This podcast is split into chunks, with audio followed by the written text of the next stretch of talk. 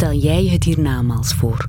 Stil, veel harmonie, rust, alles wat goed is. In een hiernamaals heb ik nooit geloofd. Nooit. Iedereen die een geloof heeft, heb ik gehoord, die, ehm, die gelooft in de hel en de hemel. Voor mij is het hiernamaals dat al het materiaal waaruit mijn lichaam zal bestaan op het moment dat ik ehm, niet meer zal leven in onze perceptie van de zaken, dat dat teruggaat naar de kosmos, naar onze aarde. En dat dat gewoon gerecycleerd wordt. Maar dat beantwoordt natuurlijk niet de vraag van wat gebeurt er met mijn bewustzijn. En uh, daar heb ik geen idee van. Klanken uit een ander werelds elders. Maar dat is nog het mooie van de Divina. Spelen ze moppie op je lier. Er is geen hoop voor wie hier binnentreden. Bro, eigenlijk moet je daar wel rekening mee houden in sommige gevallen. Ik ben Els Aarts. En ik ben Catharina Lindekens. Ma Festival leest Dante's Divina Commedia.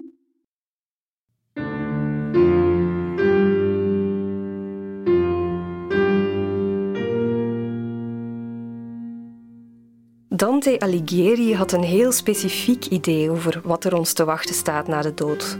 In zijn Divina Commedia beschreef hij een imaginaire reis door het hiernamaals, met haltes in het Inferno, het Purgatorio en het Paradiso. Dante treedt op als hoofdpersonage van zijn eigen gedicht. Hij vertelt hoe hij van de hel via de Louteringsberg naar de hemel reisde in het voetspoor van drie gidsen: de Romeinse dichter Vergilius, de geïdealiseerde geliefde Beatrice en de mysticus Bernardus van Clairvaux. Maar Dante's meesterwerk is natuurlijk veel meer dan een reisverslag. Je kunt het ook lezen als een allegorie van de zoektocht naar spirituele loutering, als een streamende aanklacht tegen een decadent Europa, als een tijdloze reflectie op goed en kwaad. Kortom, de Commedia is een soort literaire diamant waarin de hele kosmos weerspiegeld lijkt.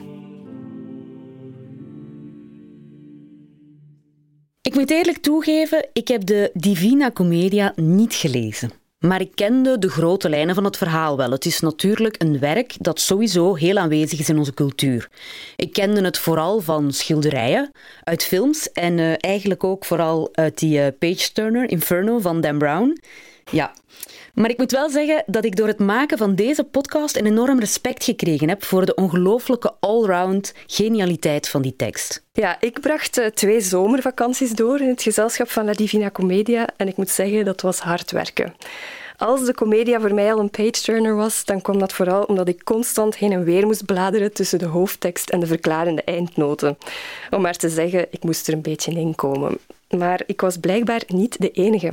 Ik ben Laran. Ik ben Ida. En dit semester hebben wij dus de Divina Commedia bestudeerd um, op de Gent. De eerste lectuur was redelijk gericht wel op um, de structuur van de zinnen, de moeilijke woorden die we niet begrepen en ook het rijmschema, al die dingen. En dat is een heel, heel vermoeiende lectuur. Maar als je dan luisterde bijvoorbeeld naar de lectuur die we dan bijvoorbeeld op YouTube of filmpjes hadden bekeken, was dat echt een veel aangenamere ervaring, omdat je dan veel meer op de musicaliteit en de inhoud kunt concentreren. Ik vond dat ook wel zo soms ja, zwaar werk. Zeker als het een moeilijke zinstructuur is of zo, dan, ja, dan kun je daar zo in, in, in vastgeraken.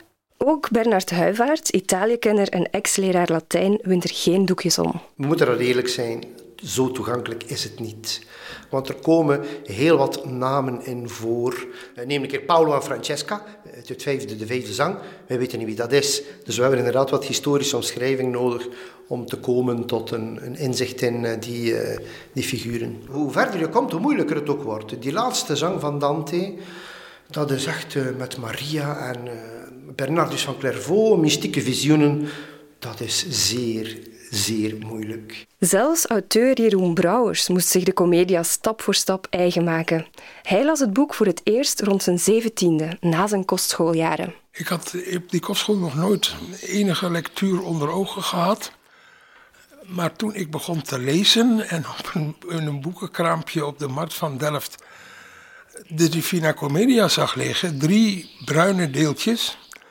Ze staan nu nog in mijn boekenkast, na al die meer dan een halve eeuw. Toen ben ik dat beginnen te lezen. terwijl ik er natuurlijk helemaal niets van begreep. Niets, totaal niets. En uh, nou, dat heb ik later hernomen. Ik wil niet zeggen dat ik er nu wel iets van begrijp, maar toch meer dan in mijn puberteit. Het is een, een zeer merkwaardig, ingrijpend, uh, ingrijpend uh, voor, voor de lezer bedoel ik, uh, werk.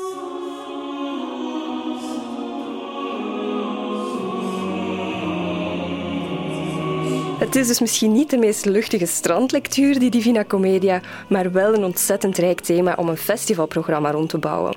Want Dante's ideeën zijn natuurlijk ook die waar talloze componisten zich sinds de middeleeuwen over hebben gebogen. Voor de opbouw van het festival 2017 hebben we ervoor gekozen om ook de structuur van La Divina Commedia te volgen in de concertprogramma's. En we starten dus eh, de editie met het Inferno en we hopen na tien dagen te eindigen in het Paradiso. Dit is festivaldirecteur Thomas Bisschop.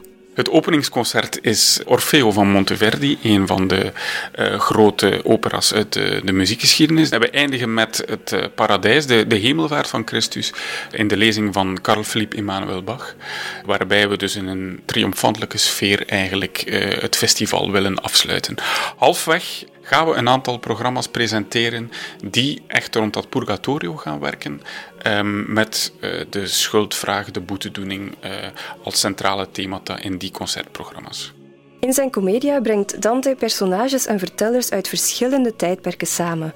En dat doet het Ma-festival ook. Het repertoire omspant meerdere eeuwen. We hebben uh, uiteraard het repertoire in de tijd van Dante met echte troubadoursmuziek. Maar we gaan over uh, renaissance naar barok, wat echt onze core business is. Met een aantal centrale figuren, veel 17e eeuws repertoire, Monteverdi, Schütz en tijdgenoten, eindigen uh, bij Bach. Maar we gaan ook muziek van Liszt gaan, uh, gaan presenteren. We hebben een uitstap naar niet-westerse muziek met het programma De Allegorie van het uh, Verlangen. En we gaan tot in de 20e en 21e eeuw met muziek van Louis Andriessen en zelfs met creaties, een muziektheaterproductie Earthdiver en dan een uh, belangrijke nieuwe compositie van uh, Bernard Foucroul, die zich volledig gaat inspireren op de teksten van Dante, vooral uit het Purgatorio. En ook in deze podcast reizen we Dante dus achterna. Trouwens, je kon het zo net al even horen, wij laten ons, net zoals Dante, op onze tocht begeleiden door een aantal gidsen. Dat zullen niet altijd de mensen zijn die je zou verwachten in een podcast over de Divina Commedia, maar ze helpen ons om deze 700 jaar oude tekst tot leven te brengen. Hallo, ik ben Katrien Kolenberg. Ik ben Tasneem. Ik ben Bernard Heuvaert. Annemies Serlippis. Jan Christiaans. Renaat Louwagie. Ik ben een volstrekt onbekend mens. Ik heet Jeroen Brouwers. Ik ben Shalan Alhamoui. Hallo, ik ben Floris. En ik ben Catharina Lindekens. En ik Els Aarts. In deze aflevering hoorde je muziek van Frans Liszt en Claudio Monteverdi.